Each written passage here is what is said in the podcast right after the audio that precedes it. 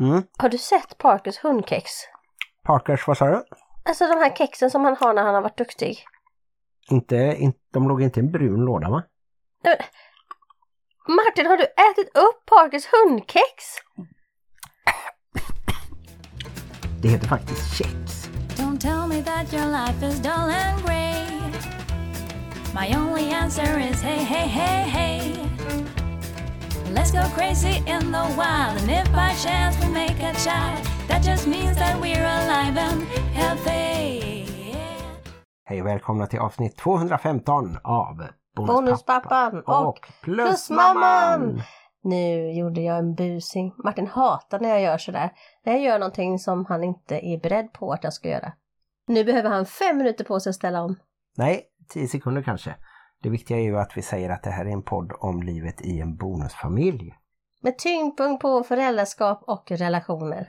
Och vi sänder i samarbete med Hallands Nyheter, dagstidningen i Varberg och Falkenberg med omnejd. Ett väldigt lukrativt samarbete som går ut på att jag får dela säng med en av Hallands Nyheters finaste varje natt faktiskt. Det är sällan vi ifrån varandra. Utan att betala. Ja, han är helt gratis. Och ibland så syns podden på www.hm.se men jag tycker att ni kan gå in och läsa andra nyheter där också, inte bara det jag skriver. veckan så skrev jag om de här svindyra nya lägenheterna som man inte kan köpa längre, höll jag på att säga. De hade ju sålt ganska många, typ 70 av 75 eller någonting. 6,5 miljoner var det väl i runda slängar? Ja, den dyraste lägenheten som jag fick se som inte är färdigbyggd än. Men eh, den är på 93 kvadrat på sjätte våningen i kvarteret Malmen i Varberg och har framförallt en terrass som lär bli otrolig. Den är på 88 kvadrat och går runt ett hörn så man har utsikt både rakt in mot eh, stan då, torget med kyrkan och sen ner mot hamnen och man ser fästningen och så. Väldigt fin utsikt. Alltså jag tycker att en terrass kan inte hålla varm om natten, höll jag på att säga. Jag vill ju ha en stor lägenhet, boyta. Hur ska man göra om man är en bonusfamilj? Ska man låta några av barnen bo ute på terrassen då eller? Nej, de här lägenheterna, de största var ju en fyra på 115 kvadrat. Så där skulle ju inte vi få plats. Vi behöver ju faktiskt sju rum och kök har vi ju nu. Och vi behöver fem sovrum för att alla ska få plats. För 6,5 miljoner kan man ju köpa ett och ett halvt av vårat hus. Ja, snudd på faktiskt ja. Även ett hus i Varberg är dyrt nu för tiden. Mm. Men Hallands Nyheter går fortfarande att köpa för pengar om man har några. HN ingår ju i den stora Stampen-koncernen som numera har norska ägare Polaris så det är ju knappt så att HN går att köpa just nu. Polarbröd är det ju som sjunger våran temasång. Ja just det, den här eh, låten och snuttarna som ni hör är gjorda av CC Campers och det är Karin och Marcus Bodin som har skrivit dem och är med och sjunger och jag är med och trummar. Det var för 20 år sedan och nu är ju Karin ägare och VD för hela Polarbrödskoncernen och vi är så glada att vi får använda den passande låten Rent a Tent. En av er är en eh, polarbrödsmogul och en annan är tidningsmurvel i Varberg. Ja just det, vi pluggade ihop i Sundsvall på journalistlinjen. Jag gick två år före. Men jag äter ju Polarbröd i alla fall. Så det är Ja. alltid något. Du är med att sponsra Karin och Marcus leverne. Det är väl Mm. härligt? Har jag berättat att det var med Karin och Marcus som jag första gången åt sushi. Wow! Jag tyckte inte det var jättegott. Och det gör jag fortfarande inte. Det är det som är det största felet på dig. Vi klarar inte riktigt av att hantera att du inte äter sushi faktiskt. Jag firade även in millennieskiftet hos dem när de bodde i Stockholm, nu bor de i Umeå. Det var en fantastisk fest eh, där varje ny tidszon representerades av det landet som då gick in i 2000-talet. Nu har vi nästan lyckats prata i tio minuter om ingenting som handlar om bonusfamiljer. Och det borde vi göra, prata lite mer om bonusfamiljer. Ska vi prata om bonusfamiljens vecka? Ja, det kan vi göra. Vi har ju bland annat varit på fotboll nere i Halmstad på Örjansvall. Där Det tycker jag inte vi ska prata så mycket om. Nej, tyvärr fick AIK stryk så nu är det lite kämpigt inför eh, slutstriden om SM-guldet. Men eh, Det kämpigaste är ju IFK att jag måste hålla på IFK Göteborg på måndag. Det var det jag tänkte säga. De piskade ju Djurgården med 3-0 och ska även möta Malmö får de gärna spöa om de kan. Precis, det tror vi på och sen hejar vi ju lite på Varbergs Boys när de möter Djurgården också. Spännande är det toppen i Allsvenskan i år. Men eh, för övrigt så har det ju varit höstlovsvecka, eller läslov som det hette förr i tiden. Och läsning har det ju inte blivit här direkt kanske. Men... Kanske har läst lusen av dem. och då funderade vi lite på det här vems ansvar som det är faktiskt att se till att det finns lunch som de normalt äter i skolan, barnen, och eh, att de har kanske några aktiviteter och så. Ja, eller kanske ta en eller annan dag ledigt från jobbet för att vara hemma. Och vi kom inte fram till något vettigt. Jag var hemma och gjorde lunch och eh, du var på jobbet men det råkade nog bara vara så. Vi, de är inte så små längre. Jag tänker att det hade nog varit en större issue när barnen var yngre, speciellt när jag var bonusmamma och hade min bonusson som bara är något år yngre än mina tre äldsta. Då blev det ju så att jag kanske tog hand om allihopa. Mm. När det var lov och sånt. Ja, och jag har ju varit hemma två dagar men då har jag ju varit sjuk så då har jag mest eh, försökt bli frisk. Och så har jag tagit några små promenader med våran eh, lilla valp Parker. Men sen har ju Helle i alla fall haft en del kompisar här på dagarna och även lite på övernattning. Ja, det har varit väldigt mycket övernattningar känner jag men det är roligt att hon har vänner och att huset fylls av folk. För det är så jag vill ha det. Jag vill att människor ska komma och gå och känna sig hemma och att det alltid ska vara mycket liv och rörelse. Jag gillar det. Det är kanske är därför jag trivs i bonusfamiljen. Mm. Och vi har ju även hundar som kommer och går lite. Ja, vi har ju haft våran bonushund Nessie här. Det är alltid så spännande. Och det är ju lite så att det är ungefär som Först hade jag ett bonusbarn, det var min bonushund och sen fick jag en egen hund, alltså ett eget barn. Och det, då plötsligt så tycker man ju att ens eget barn är ju fantastiskt och den andra hunden, ja, den är trevlig men inte lika fantastisk. Och tänker jag, det är kanske lite så när man får eget barn och har varit i en bonusfamilj. Ja, vi hade ju Nessie som är en fralla, en fransk bulldog, lite som daghund innan vi fick Parker. Eller fosterhemsplacerad var ju inte Nessie direkt så men... Det var våran lånehund helt enkelt som ja. vi har haft mycket glädje av. Som vi övade oss på lite och eh, ibland så ska hon ju hoppa på Parker och visa ja, vad som bestämmer. Ja men det är så att bonusbarn och kan bråka med varandra. Jag försöker komma tillbaka till den här liknelsen om bonusbarn och egna barn men det funkar inte så bra kanske. Jo men jag tänker också hur blir det då när Parker nu faktiskt är lite större eller längre i alla fall. Han är fortfarande klenare för han är bara sju månader. Men det börjar ju bli lite annan balans ändå mellan dem. Jag vet inte. Som, jag hade ju tre barn sedan tidigare. Min dåvarande sambo hade ett barn sedan tidigare, sen fick vi ett gemensamt. Och jag tycker ju att det svetsade ihop oss. Men samtidigt så uppstod det ju avundsjuka precis som med Nessie och Parker. Men det är ju som ingen som biter varandra eller så. Nej.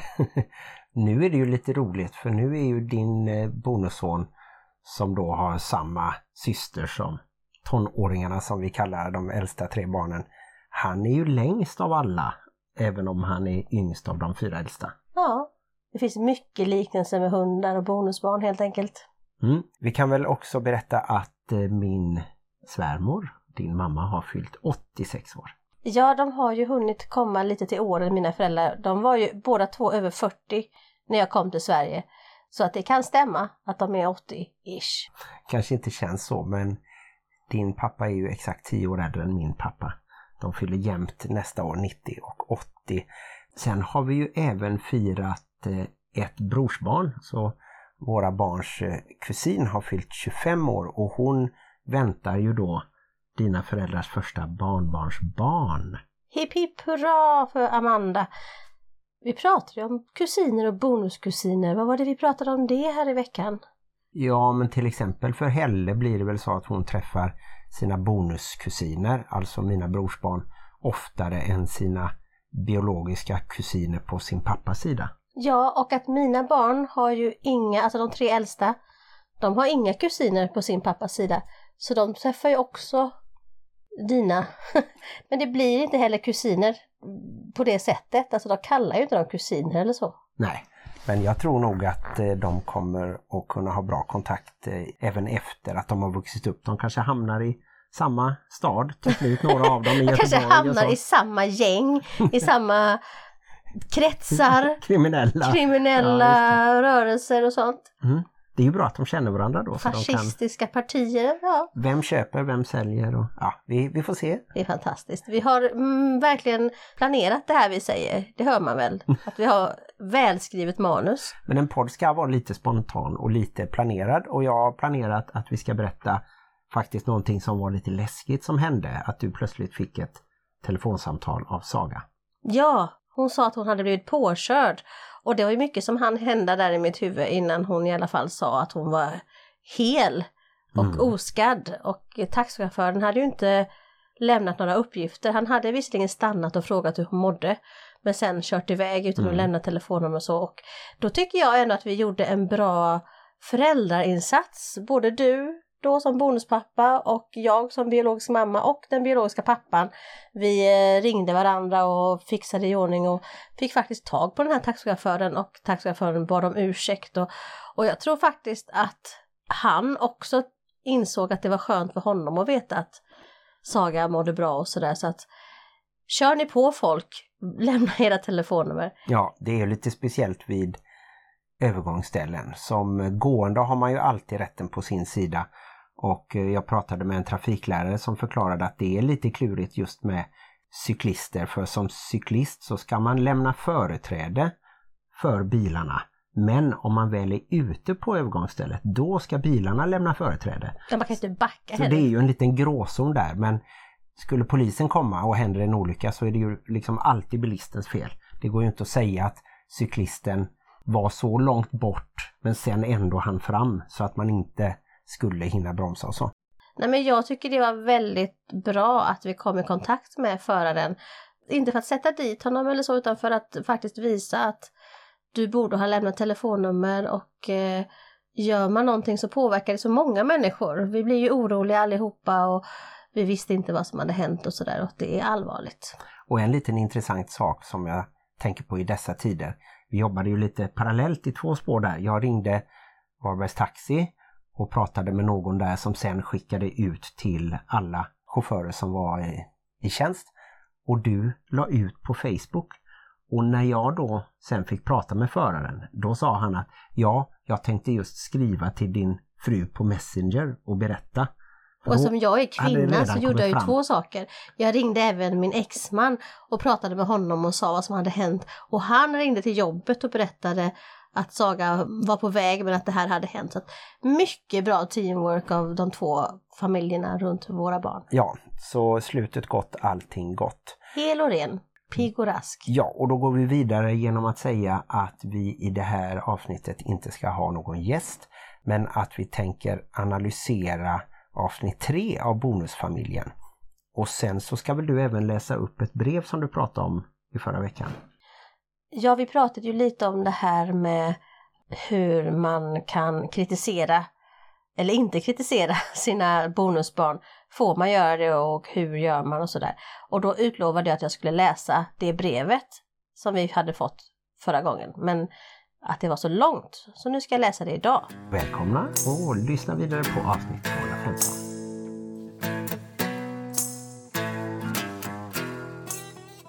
Ja men då tycker jag att vi hoppar direkt på brevet och så får vi se vad jag kanske svarar på några av dina frågor sen efteråt.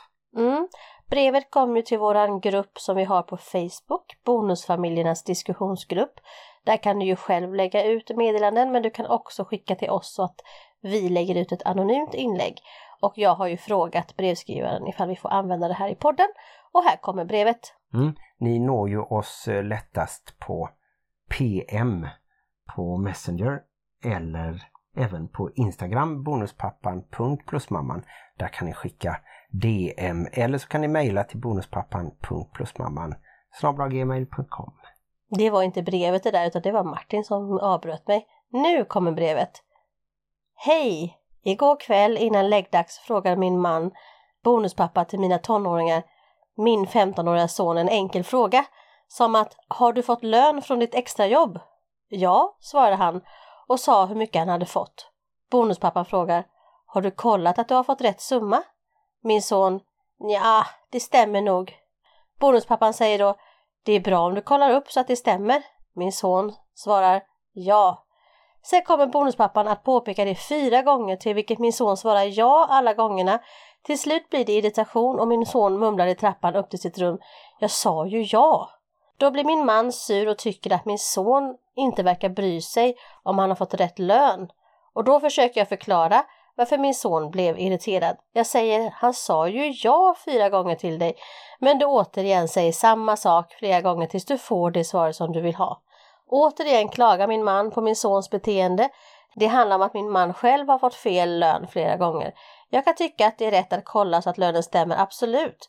Problemet är återigen i min familj att bonuspappan inte är nöjd med hur tonåringen svarar. Jag försöker att förklara, men tyvärr så återigen lyssnar inte min man på mig. Jag känner mig så himla ledsen över att småsaker alltid blir så stora hos oss. Han kan inte ta kritik, råd eller tillsägelser från mig. Han blir arg och säger att han inte vill bo med mig och mina barn. Jag blir så himla ledsen, hur ska jag göra? Ska tillägga att vi har ett gemensamt på fyra år. Mm. Jag har ju läst brevet men jag har inte eh, liksom analyserat och skrivit ner någonting så. Men jag tycker ju att den här bonuspappan måste först lita på sin bonusson, att han kollar upp det och, och släppa det på något sätt och känna att ja, skulle det nu vara fel lön på ett antal hundralappar, för mycket mer kan inte skilja utan att man märker det, så får väl det vara sonens misstag och så får man se det som att ja men den arbetstiden han skulle lägga ner på att kolla upp det, den skulle ju också på ett sätt vara värd pengar och sådär. Så jag tycker ju att det är hans fel att han ligger på för mycket. Och sen så tänker jag lite att möjligen skulle då bonussonen, när han märker att bonuspappan inte blir nöjd, när han bara säger ja, då kanske han skulle ändra sitt svar lite för att vara lite smartare då. Men det kan man ju inte ha som ett krav på ett barn. jag tänker säga att man kan inte ha som krav på en tonåring att de ska svara annat än ja eller nej, eller kanske inte svara. alls överhuvudtaget. Nej, det är så, så är det, det är att vara tonårsföräldrar. Och eh, det kommer han kanske själv att förstå när hans gemensamma då, eller deras gemensamma barn växer upp. Jag tycker att det är så mycket klassiska saker här i det här brevet. Just det här med att eh, den här bonuspappan vill ju väl. Ja. Det är ju något vänligt och bra och snällt som han vill lära sonen. Men han forcerar det för mycket. Mm. Och eh, det kan vara så ibland, även för dig. Att ja, du vill absolut. väldigt väl, men att du är lite för på. Speciellt som du alltid vill vara steget före gärna. Mm. Och påminna och tipsa och liksom så. Och eh, just tonåringar, alltså de vill ha så lite som möjligt att göra med sina föräldrar. Och det är nästan alltid mm. utan undantag. Och jag har ju fått öva mig lite i det. Och det finns ju en sak, jag vet inte om vi ska nämna alla detaljer, men vi kan ha som exempel då om du har ett bonusbarn som inte har vaccinerat sig mot covid men som har haft covid och känner sig kanske säker. Men där jag tycker att om nästan alla andra svenskar tar två sprutor då kan man väl i alla fall boka. Och om man säger att man ska boka och jag känner att jaha men det händer ju aldrig någonting. Kan inte jag hjälpa till att boka då? Men nu tycker jag att jag har varit duktig och de här senaste veckorna så har jag tänkt att jag kan inte påverka det. Det blir bara värre om jag skulle försöka säga till. Så jag har bara avvaktat. Och det tycker jag inte att jag har varit duktig direkt men... Du tycker alltid att du har varit duktig. har, Martin skulle vilja att vi hade det här systemet med guldstjärnor för dålig. bonuspappor. det enda jag vet är att jag skulle vara den bästa bonuspappan i familjen. Och det skulle inte säga så mycket. Nej, men vi skulle ge dig lite Men jag har, jag har i alla fall inte gjort det dåliga att fortsätta tjata. Nej, men eh, det finns faktiskt ganska många antivaxxers, men det kanske vi inte ska gå in på här. Jag tror att det mest handlar om en spruträdsla. Ja, det tror jag också. Och hade det varit en antivaxare i familjen. Vi har en antivaxare. Jag har närt en kommunist vid min barm. Du har inte närt några barn vid din barm, Martin. Nej, jag har ju inte det. Men eh, då hade man ju kunnat ta en diskussion liksom om, om det, om konspirationsteorier och sådär. Här Men tillbaka till brevet tänker jag. Nu fortsätter jag min analys av det här. Jag tycker ju som vi alltid säger och som kanske är lite tråkigt att höra. för att man kan bli jävligt trött på det. Men bonuspappan är ju fortfarande den vuxne. Så att han blir sur och liksom säger att jag vill inte bo med er och sådär. Det, det är lite Ja men det är ju jättekonstigt. icke-konstruktivt. Det är ju inte ansvarstagande och särskilt då när man har ett gemensamt barn. Och eh, möjligen då så skulle biomamman kunna tänka så här. Tycker inte heller att det är något krav. Jag tycker fortfarande det är bonuspappans fel. Hon känner ju sin tonåring och hon vid det här laget känner sin make eller sambo då. Och då skulle hon kunna säga att nu får du tagga ner efter att han har sagt det en eller två gånger. Och hon har märkt reaktionen att Det hjälper inte, det blir bara värre om du tjatar. Hon kanske redan har sagt så. Men om hon skulle säga det efter andra gången, då kanske han inte säger det en tredje och fjärde gång. Möjligen. Men jag kan tycka då som får representera bioföräldern eller ursprungsföräldern att det kan vara så tjatigt att alltid vara den som ska gå emellan. Liksom. Att man ska medla mellan de två olika parterna och hej och hå. Jag kan bli väldigt trött på det. det förstår jag. Jag tänkte mer att hon i enrum eller bara tar honom åt sidan lite och säger att lita på mig, det kommer inte hjälpa om du säger det tre, fyra, fem gånger. Mm. Det, det känns lite som att vi har ju lyssnat på mycket på Kai Pollak på sistone. Mm. Att eh, pappan då, eller bonuspappan då faktiskt egentligen vill ju hjälpa bonussonen för att han själv har blivit utsatt för att inte ha fått rätt lön och sådär. Och det kan ju vara så att man kan analysera varför är jag tjatig nu? Varför tänker jag så här? Varför känner jag så här? Är det min egen verklighet eller är det mitt bonusbarns verklighet? Det vet man inte. De kanske har jättebra lönespecier det står exakt hur många timmar de jobbar och sådär. De kanske inte alls har den grejen som han har varit utsatt för. Nej, och det vet jag ju inte om bonuspappan har förklarat, om han har sagt det. Förlåt att jag påminner, men för mig var det så att jag förlorade kanske flera tusen på det för att jag inte kollade och så pågick det under lång tid att de drog av för en rast jag inte hade eller liknande sådär. Det kanske skulle få tonåringen att förstå mer. Eller att bara säga att eh, skicka ett enkelt mail och be om en specifikation på dina arbetsdagar så du kan pricka av eller så. Inte bara liksom tjata så. Men eh, det här med Kai Pollak är ju intressant förresten för vi har ju ett tag så har jag läst Kai Pollak högt. Den här boken Att välja glädje. Och sen så hittade vi även CD-skivor där han själv läser in boken. Så då har vi suttit i bilen när vi ändå har kört någonstans och lyssnat lite på Kai Pollak då. Han är ju en favorit och har ju varit gäst i podden också. Mm. Och CD-skivor, ni som lyssnar, det är någonting som fanns förr i tiden. och det började väl med att du skänkte iväg alla dina och alla DVDer och jag sparade några enstaka DVDer faktiskt. Enstaka, typ tre kartonger. Nej, jag har nog någon kartong som inte är rensad men av en kartong så sparade jag några få utvalda DVDer och sen så har jag ju alla mina 900 jazz-CD-skivor som jag inte har blivit av med än så att säga.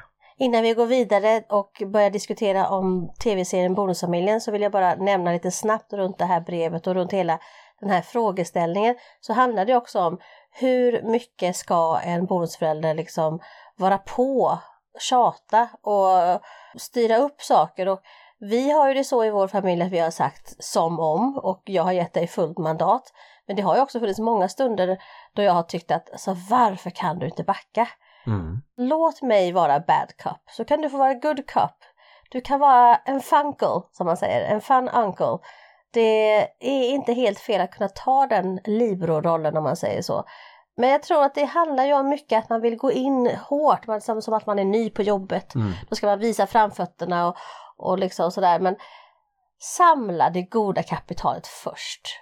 Samla på enormt stor hög av uppmuntran och goda stunder, sammankomster och annat. Och sen kan man ta tjatet. Mm. När man har fått lite mer, vad ska man säga? Ja, kapital på banken har vi ju kallat det. Nej men det håller jag med om och jag har gjort lite försök att eh, backa särskilt med minstingen då att eh, du ska få påminna om tandborstning och annat och så. Men eh, det lyckas jag ju inte alltid med tyvärr. Nej, och så kan det ju faktiskt bli ganska tjatigt för ett barn som då plötsligt har fyra föräldrar kanske. Så säger jag, kan du, ska du borsta tänderna? Så säger du, ska du borsta tänderna? Och sen så är hon hemma hos sin andra förälder då, så säger den det också. Så säger den nyaste det. Det blir ju väldigt tjatigt för ett barn att ha fyra föräldrar eller tre föräldrar eller hur det nu blir. Så att backa lite tycker jag. Det är min nya grej och eh, låt den eh, biologiska eller ursprungsföräldern som vi också säger ta rephållarpositionen helt enkelt. Ja, just det. Det var ju Bo Helskov Elfven som sa det när han var med i våran podd. Ja, men då kanske vi ska gå över till att prata lite om tv-serien Bonusfamiljen. Avsnitt 3 sändes ju igår, måndag den 8. Mm. Ja, och i avsnitt 3 så är det ju många påbörjade stories som fortsätter sådär. Man får se Katjas oförmåga att hantera sin dementa mamma till exempel och det här tillfälliga boendet som Martin måste ha hos sin mamma och han flyttar dit med hjälp av en ny kollega som spelas av ståupparen Petrina Solange som vi har sett live i Varberg. Hon pratar så här. Ja, hon är ju från Skåne, från en liten ort som heter Degerberga om jag minns rätt. Sen kommer en annan ny rollfigur som heter Elin som spelas av Tuva Novotny. Och eh, Elin har också ett barn med Downs syndrom, precis som Patrik och Lisas yngsta då Buster. Så de börjar prata lite om det på lekplatsen. Och jag tror inte Patrik har pratat med så många om det. Och eh, det är en historia som kommer fortsätta i kommande avsnitt sen. Men Patrik är ju väldigt som du, han går ju liksom all in. Nu har han fått ett barn med Downs syndrom, han ska lära teckenspråk och så, så här. Medan Mm. Lisa är så här, det löser sig. det är barn liksom, vad kan gå fel? Ja, men det blir intressant att eh, följa. Sima, Martins eh, sambo, är fortfarande i Malmö. Och det finns en situation som jag tänkte på och det är då när Martin är lite taskig mot Danny, sin tidigare kollega som också bor då hemma hos mamman Bigge. Han har för hög volym på tvn och så. Och då säger Bigge, apropå det här att hon då skulle bli utnyttjad, tycker Danny, genom att Martin inte betalar hyra eller mat eller så. Han går hem dit och bara tar mat på lunchen av henne då. Så säger hon, du förstår inte, man gör allt för sina barn. Och det har vi pratat om och det finns en liknande situation lite senare när Eddie som ju är Martin och Lisas son då, han säger att det är bara jag som har en sån här urflippad familj. Och då säger hans stora syster Bianca att du måste själv få bestämma var du vill bo, men vi ringer mamma först. Och då när mamma Lisa pratar då med Patrik, bonuspappan, och han vill köra på schemat, då har hon redan sagt ja till Eddie. Och då säger hon till Patrik, han är mitt barn, vad skulle jag göra? Så två mammor, biologiska, säger till två män att de inte förstår det här med biologin. Och det har ju du och jag pratat om. Ja, skillnaden för dem och för oss är att de har egna biologiska barn. Kanske inte Danny då, men Patrik har ju egna biologiska barn. Mm. Du har ju inte det i våran relation och det har ju vi pratat om innan att ibland drar jag biokortet. Och det är ju så. Jag hade ju dött för mina barn, alltså jag har Mm. försökt berätta det för mina barn att mitt liv är sekundärt. Om jag hade fått vara var tvungen att välja så hade jag ju valt att barnen har det bra. Som när jag levde själv med barnen och inte hade det så jättefett. Då såg jag ju ändå till att barnen hade mat på bordet och att de hade liksom saker med sig till skolan eller att de kunde få gå till barnkalas och ha med sig presenter. Sen om jag hade någonting över, det spelar ingen roll utan Mm. att köpa lördagsgodis var så viktigt och här kanske man utifrån säger men alltså varför är det viktigt att köpa lördagsgodis till barnen? De Mm. överlever ju utan det. Bara, jo, det är viktigt för en mamma att deras barn har allting som alla andra barn har. Så att det känner jag ibland att du inte har riktig förståelse för att jag gör vad som helst för ett leende från mina barn eller för Mm. att göra dem glada eller för att bara visa hur mycket jag tycker om dem. Kanske då genom mitt kärleksspråk, gåvor till exempel. Mhm. Så köpa någonting extra eller baka någonting gott eller skämma bort dem. Det här med att ja, du tycker att vi har bestämt nu att Saga ska försörja sig själv till exempel. Men det är klart att jag vill överösa henne med extra god mammamat eller nybakta kanelbullar i alla fall och då kanske du tycker men hon skulle ju betala det själv. Fast jag tror jag har varit ganska chill med det. Däremot att barnen då, de som får studiebidrag, att det även ska räcka till godis och energidryck. Då tycker jag att visst har vi en familjeaktivitet att vi sitter och ser en film eller att vi går ut och ser på bio. Då betalar ju vi det godiset. Men då tycker jag inte att vi ska köpa godis varje helg till dem när det samtidigt ska ingå i studiebidraget. Då får vi säga så här att nej, vi tar bort det där med att det ska ingå. Mm. Men jag vet ju med mig själv att ifall du till exempel hade fått en dotter, vi säger att du hade fått en dotter, mm. hon hade ju virat dig runt sitt finger hur lätt som helst, du hade ju bara köpt hela världen till henne. Ja. Och det hade du förstått då mm. ifall du hade varit biologisk pappa. Jag är ledsen, du kommer inte att förstå mm. det. Nej, och jag håller med, där finns en nackdel och så får man väga den då kanske mot fördelen att jag inte har barn som konkurrerar. Det kan också bli krångligt och det blir det ju i tv-serien lite. För Patrik agerar ju olika mot bonusbarnen och sina biologiska barn. Mm. Och jag förstår ju Patriks grej där, att varför pratar inte du med mig innan du bestämmer en sån här sak? Men för Lisa var det helt självklart. Alltså om mitt barn vill komma och bo här på heltid, det är ju ingen diskussion ens, det är klart man säger ja. Nej, och där handlar det ju mer om deras relation och jag tycker det är ändå snyggt av manusförfattarna att de får med det också. Att varför säger inte Lisa till Patrik direkt att jag har redan bestämt detta, du får acceptera det. Och jag har bestämt det för att inte fråga Patrik först och sen när han då, nej, vi, vi, det är lättast att köra enligt schemat. Då säger hon, ja men jag har redan frågat. Så det är mer en grej mellan de vuxna ju. Mm. Nej, men jag förstår helt och fullt. Man är som en lejoninna. Det finns ingenting som man inte skulle göra för sina barn. Man skulle gå på glödande kol, man skulle kasta sig ut genom ett fönster med glas. Man skulle rulla sig i eh, kakdeg och gå på en IFK Göteborg fotbollsmatch. Det finns ingenting som man inte ja, gör för sina barn. Ja, det får du gärna göra. ja, om du hade varit mitt barn så hade jag gjort det. ja, just det.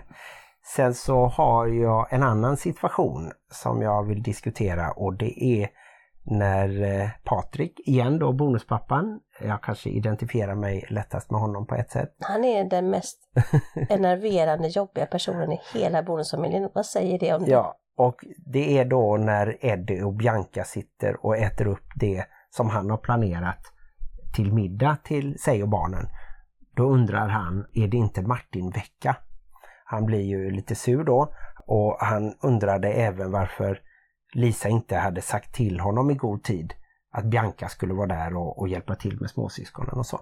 Men då kommer det intressanta när Bianca och han pratar och hon berättar att hon pluggar och har läst att passiv aggressivitet inte är bra för barnen eftersom det ger dubbla budskap då, precis som ironi och sarkasm.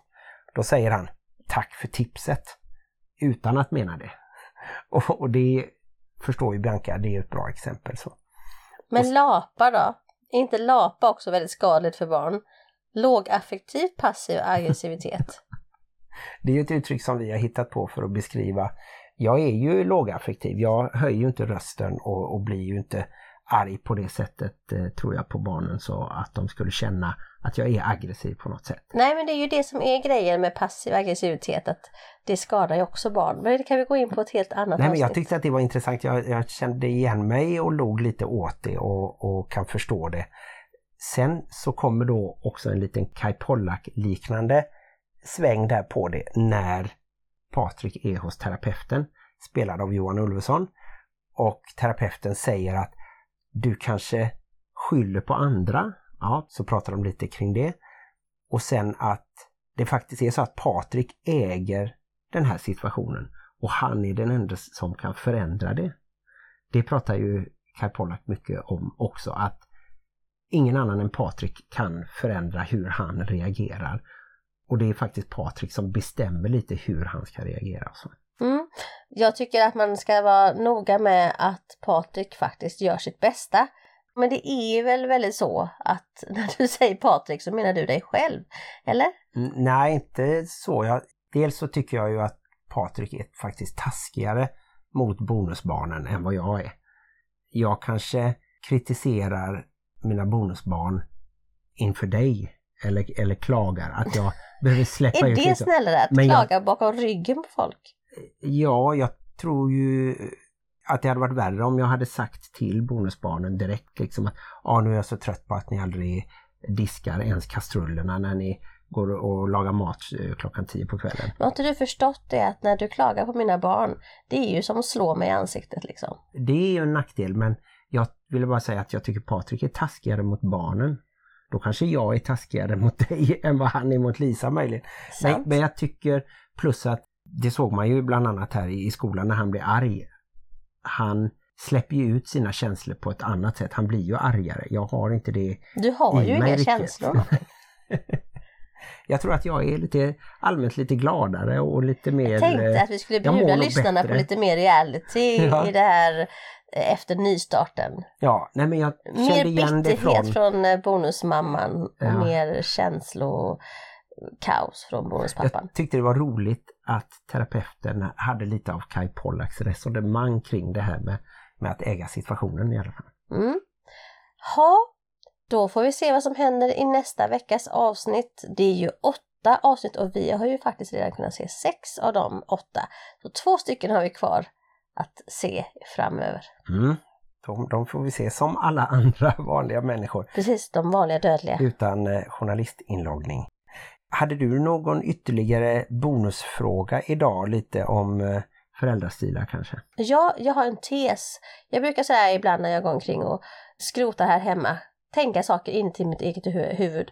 Och då kommer jag fram till den här tesen att olika föräldraroller funkar i kärnfamiljer men inte lika bra i skilda familjer. Alltså det behöver inte vara att man har bildat en ny bonusfamilj eller inte. Det kan även vara att man bara är skilda. Mm. Och nu ska jag förklara det ur två perspektiv. Det ena perspektivet är då jag, vi tar utifrån mig, jag är biologisk mamma, mina barn har en biologisk pappa. Om vi två som då är skilda har olika föräldrastilar och hade bott tillsammans, då hade det väckt upp varandra, då hade det liksom varit en dynamik. Men när vi bor på två helt olika ställen så blir det ju helt crazy om den ena föräldern är som helt skiter i tandborstning säger vi, vi bara hittar på Mm. och den andra är de mycket ordningsammare. Då blir det ju mycket större dragkamp där och det får vi ju faktiskt mycket brev om. De, man, eh, den ena föräldern säger alltså vad ska jag göra? Alltså den andra föräldern är ju helt hopplös. Och då tänker jag så här att man får helt enkelt tänka att man är en hel ett helt föräldraskap. Man är Mm. liksom både mamma och pappa i sin familj. Sen är den andra både mamma och pappa i sin familj. Så att det här med att man ska försöka då komplettera varandra och lära varandra, det får man helt enkelt ge upp när man har skilt sig. Även om den andra har en helt egen föräldrastil så kan man inte göra någonting åt den. Mm. Utan man får helt enkelt försöka vara så hel i sitt eget föräldraskap som möjligt. Och sen då så gäller detta också om man ser på en bonusförälder som då du i det här fallet. Vi lever tillsammans och vi har också olika föräldrastilar. Men det funkar inte heller på grund av att du och jag inte har samma barn, eller det är samma barn men du är bonuspappa och jag är biologisk mamma. Då funkar inte heller den här dynamiken att du ska vara jättesträng till exempel och jag kanske är lite schysstare. Mm. Utan då måste det vara tvärtom. Då måste jag vara lite mer sträng och du måste vara lite schysstare. Så att man får liksom tänka, vilken föräldrastil har jag? Och funkar den i bonusfamiljen? Funkar den i våran konstellation? Det intressanta är då om man jämför med tv-serien så är ju det enda fungerande på det sättet det är för William. För båda hans biologiska föräldrar är de som liksom är lite strängare eller mer strikta, ordningsamma, regelmässiga och så. Patrik och Katja. Båda de har ju blivit ihop med nya partners som är i alla fall på ytan lite chillare eller lite slarvigare på ett sätt eller värderar annat, värderar känslor eh, och gemenskap mer än att man ska ha vissa tider eller vissa sådana upplägg. Så därför tror jag att William, han har lättare för hans mamma är lite sträng men Niklas då kan komma in och vara den lite mjukare och, och förstå hans musikintresse som det är just nu till exempel. Och sen då när William är hos Patrik så är ju Lisa mycket mer avslappnad och där ser man inte så mycket de interaktionerna överhuvudtaget. Men det blir ju mycket tydligare situationer när Patrik agerar mot sina bonusbarn som är Lisas biologiska. Eller faktiskt som i det här senaste avsnittet, eller om det var förra, där Sima blev väldigt trött på sina bonusbarn, eller på Eddie framförallt att han kom dit och så. Jag tycker att Sima gör det väldigt bra faktiskt för hon har både det här, den stora kärleken till Eddie, den uppriktiga, öppenhjärtiga kärleken, men hon kan också visa vad hon tycker. Och jag tror att där, det är där det skär sig ibland att många bonusföräldrar de kanske inte har den här hjärtinliga kärleken till sitt bonusbarn men de vill gärna visa vad de tycker och tänker och känner. Mm. Så att först måste du bygga den här relationen och sen kan du visa att du är arg och besviken och hela det här registret. Men där kan man ju faktiskt binda det tillbaka till det du sa tidigare när Sima blev biologisk mamma och fick Josef och tar ju kanske huvuddelen av den uppfostran eftersom Martin är som han är och så. Och just nu är hon ju till och med med Josef i Malmö hos sina föräldrar. Då har ju hon blivit mer kritisk mot Eddie faktiskt. Ja, men jag har ju också sett att hon faktiskt fortfarande bryr sig väldigt mycket om honom. Och, och det, alltså, jag har inga problem med att en bonusförälder säger ifrån och som är förälder och är en vuxen person i ett bonusbarns liv. Det är bara det att man måste ha hela kapitalet, hela cirkeln. Mm. Man kan inte bara vara en liten Hitler. Nej, men det är ju bra för oss att vi upptäcker den här skillnaden då att det känns som att jag är den som är mer strikt med vissa sådana här saker som kanske i längden inte betyder någonting. Världen går inte under om man inte lägger in kläderna i garderoben. Nej men det är ju det jag har lärt mig under de här åren. Jag har ju varit förälder mycket längre än vad du har. Och då har jag lärt mig att chilla. Jag har varit en jättesträng förälder och ordning och reda och det skulle vara väldigt så här inrutat. Men alltså man orkar inte, barnen orkar inte. och Sen har jag hamnat i den här lagom chill. Mina barn kommer överleva. De kommer bli relativt vettiga människor. De kommer behandla andra människor vettigt. De kanske kommer ha en och annan våt handduk på golvet, men det är okej. Okay. Och jag hoppas ju att jag kan vara en förebild. Att de kan se att det lönar sig också att vara pratsam eller skämtsam men samtidigt väldigt eh, pålitlig vill jag ändå säga. jag trodde du skulle säga det lönar sig att vara en tjatig liten gubbjävel. Nej, men alltså göra sitt jobb, plugga, komma i tid. Alltså den delen tjänar man på också i längden och då behöver jag inte säga det utan jag kan visa det. Okej, okay, men hur tycker du att du visar liksom att det är bra då? Du menar att de skulle vilja bli som du? Nej, men jag tror att de kan ha det med sig på något sätt. Att, eh, att jag mår bra och det går bra för mig för att jag ändå håller mig inom sådana ramar som samhället gillar på något sätt. Jag tror att barn tar upp det de behöver från olika håll och kanter. Så att eh, du har helt rätt. Det ligger någonting i det du säger. De kommer att ta med sig saker från dig, de kommer att ta med sig saker från mig och så kommer de att ta med sig saker från sina andra föräldrar och så alla youtubers. och vet du vad jag längtar efter? Nej. Jag längtar efter tills jag kan säga, när du säger att jag har ju varit förälder mycket längre än dig. När jag kan säga jag har varit bonusförälder längre än dig. Och beroende på hur man räknar, om man räknar leva under samma tak eller så, då kanske jag redan har varit det. Alltså jag har aldrig påstått att jag var en bra bonusförälder. Jag tror att jag hade blivit en bra bonusförälder ifall jag hade varit bonusförälder i den här relationen. Men min första bonusfamilj var ju min träningsfamilj och det här är din träningsfamilj så att jag vet inte. Du kanske blir en bra bonusförälder i nästa familj. Och, Nej, du är en bra bonusförälder. Och ditt första familjen. äktenskap var också bara ett träningsäktenskap då? Och jag är ditt första äktenskap. Ja. Det här båda inte bra. Men eh, det, det skiljer sig lite också där mellan... Jag skilde mig lite, ja. Dig och mig att eh, jag nöjer mig med ett äktenskap. Mm. Så du, du kommer inte att skilja två. dig? ja, då kanske det börjar bli dags att avrunda det här avsnittet. Ja, men först måste jag ju få göra en sån här recap en omfamning av det vi just har sagt. Och det är det här med olika föräldrastilar. Kan vara bra i en relation där man eh, är båda två biologiska föräldrar till samma barn. Men inte lika bra när man är två föräldrar som bor på olika ställen i olika familjer. Och inte heller exakt lika bra när man är en bonusförälder och en biologisk förälder. Men man kan hitta sina roller men det blir en lite annan twist på det här med att vara olika föräldrar.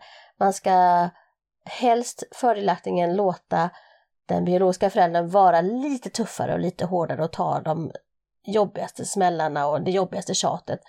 Eh, jag menar inte att man ska bara surfa på eh, schyssta gubben-vågen men lite sådär vara en funkle när man är bonusförälder. Eller en fonster blir det då om man då är en fan moster. Ja, just det. Men menar du också att det är bra om man har lite olika föräldrastilar? Eller skulle du tycka att det var bäst att lika barn leka bäst som man säger? Ja, alltså jag är fortfarande lite undecided på det här och jag tänker att i en kärnfamilj då kan det vara dynamiskt att vara olika. Men jag tror att man vinner mer på att vara ett team i en bonusfamilj. Tänker du då att jag ska närma mig dig och inte tillrättavisa lika ofta och du ska ta ett steg närmare mig och hålla lite mer disciplin? Nej, jag tänker att du bara gör precis som jag säger och så blir allting jättebra.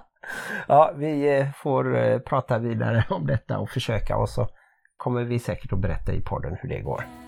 Mm.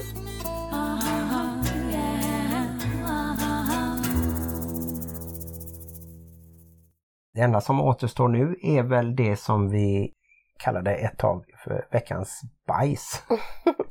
Helt i motsats till alla bra filosofier att man ska fokusera på det bra och liksom lyfta fram det som fungerar. Så tänkte vi att den här säsongen ska vi fokusera på det som är skit. Jag tycker att det alltid är jobbigt när jag är sjuk. Då kan jag liksom inte leva upp till det här som jag vill att jag ska visa mitt kärleksspråk då som är tjänster, att jag ska kunna passa upp er mycket och att jag ska kunna åka runt och göra saker och sådär. Och nu kunde jag inte ens vara på jobbet som jag också tycker är roligt och som jag känner lite press på mig att leverera där och så. Så jag tyckte det var jobbigt och så sammanföll det då med eh, höstlovet och när vi hade då både övernattning av barn och hundar och sådär. Så, så jag tyckte det var lite jobbigt. Jag hoppas att jag kommer vara frisk länge nu. Är det en bonusfamiljsbajs alltså? Ja, När bonuspappan ju, är sjuk? Ja, det påverkar familjen Speciellt som det blir sån här man cold grej. Alla vi andra har varit jättesjuka och som tuffat igenom men du som bara åh, jag är sjuk. ja, i alla fall varit ute och promenera. Och I kylan vila. och regnet. Åh. Nej men det kan väl räknas som bajs. Men om man ska ta här bonusfamiljsbajs så tycker jag ibland att det är bajs. När du ska vara bild till min bull som jag brukar säga. Det är också sån här grej som liksom inte händer i- kanske på samma sätt i en kärnfamilj. Jag vet inte. Men när jag säger någonting så känner du att du måste amplify. Det är så här, då säger jag Helle, Mm. gå och borsta tänderna. Ja, Helle, gå och borsta tänderna. Nej, då säger jag så här. Och glöm inte det som tandläkaren sa, du vet, borsta bakom där för att få bort Ja, tandstenen. eller om jag säger Helle, kan du plocka upp den där efter dig? Ja, Helle, plocka upp den där efter dig. Du Nej, då som... säger jag, ja det sa ju jag redan för en timme sedan. Ja, precis. Ni hör ju. Han är bild till min bull. Jag kan liksom aldrig säga någonting utan att man hör Martin och det kan jag faktiskt bevisa. Det så, ibland så pratar man ju in meddelanden för att man inte orkar skriva dem. Och när jag liksom är färdig, då hör man liksom Martin säga Ja, bla bla bla bla bla, så kommer det också in på mitt meddelande. Så det är så här, var, varenda gång jag har sagt någonting så måste Martin säga någonting. Och det tycker jag kan vara sån här bonusfamiljsbajs. När bonusföräldrar känner att de måste fylla i när eh, man kanske till exempel har sagt till sitt barn eller så. Jag vet inte, är det lite skadeglädje som ligger i det? jag vet inte. Du blir så här glad, aha, nu sa hon till honom, nu sa hon till honom. Ah, nu ska jag minsann också göra det. Jag kanske passar på, jag vet faktiskt inte.